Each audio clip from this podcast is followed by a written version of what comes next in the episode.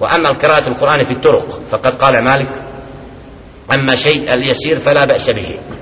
وأما الذي يديم ذلك فلا. كان يبيتان يؤتين القرآن بوتم لو سكرشم إذا مولتهم نؤتين القرآن استقاد من مالك أقوي طلقنا نتي dio Kur'ana ne da ti bude navika stalno da tako radiš onda la be sebi nema smetnje. Da idemo stazom i da učimo Kur'an ali ako ćemo se navići da nam to bude pređe u naviku da putem samo učimo Kur'an la onda trebamo zastati u mesecidu ili negdje pa učiti Kur'an znači da ne bi to bila praksa da non stop u kretanju po ulici učimo Kur'an قال سهنون ولا بأس أن يقرأ الراكب والمدجع قيل فالرجل يخرج إلى قريته يقرأ ماشيا قال نعم قيل فيخرج إلى السوق فيقرأ في نفسه ماشيا قال أكره أن يقرأ في السوق Sahnun prenosi kaže ne smeta da čovjek uči dok se kreće ili da dok je mutađe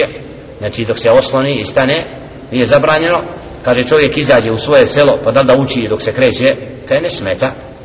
A ako izađe u pijacu kaže onda da uči u sebi isto tako Kur'an kaže to prezirem. Znači da čovjek dok je u pijaci uči Kur'an.